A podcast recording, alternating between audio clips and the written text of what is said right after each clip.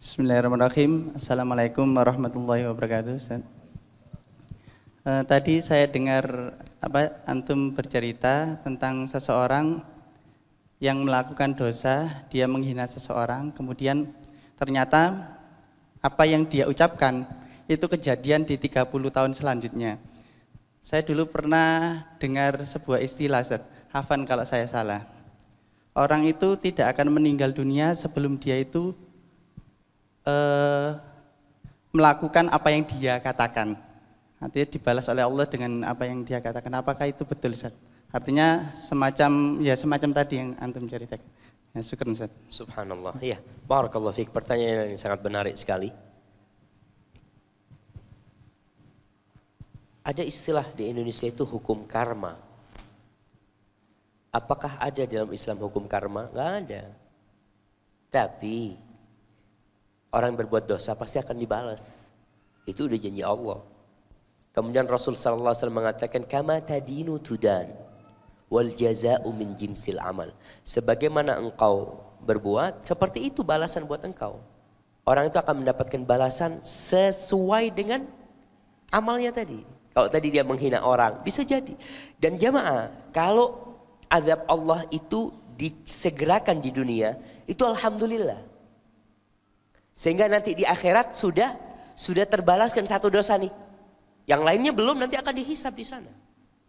Jadi kalau tadi dikatakan apakah orang itu akan mendapatkan uh, balasan dari apa yang dia akan melakukan apa yang pernah dia ucapkan seperti itu. Kalau hadis tidak ada, ada sebuah hadis dhaif, tapi Syekh Ibn Utsaimin rahimahullah menjelaskan sebuah puisi atau bukan puisi syair yang mengatakan ihdar lisanaka an taqula fatubtala innal bala'a muwakkalun bil mantiqi Hati-hati kau ngomong. Nanti kau akan diuji dengan apa yang kau omongkan. Karena bala itu tergantung dengan omongan. Dan itu bisa kejadian. Kita ngomong Allah Akbar ya. Makanya kita harus istighfar jemaah. Jangan ngomongin anaknya orang. Kadang kala gitu. Ngelihat anaknya orang Masya Allah nih anak rakus banget makannya. Dapat dua tahun punya anak rakus juga kayak gitu tuh. Itu itu kejadian kita.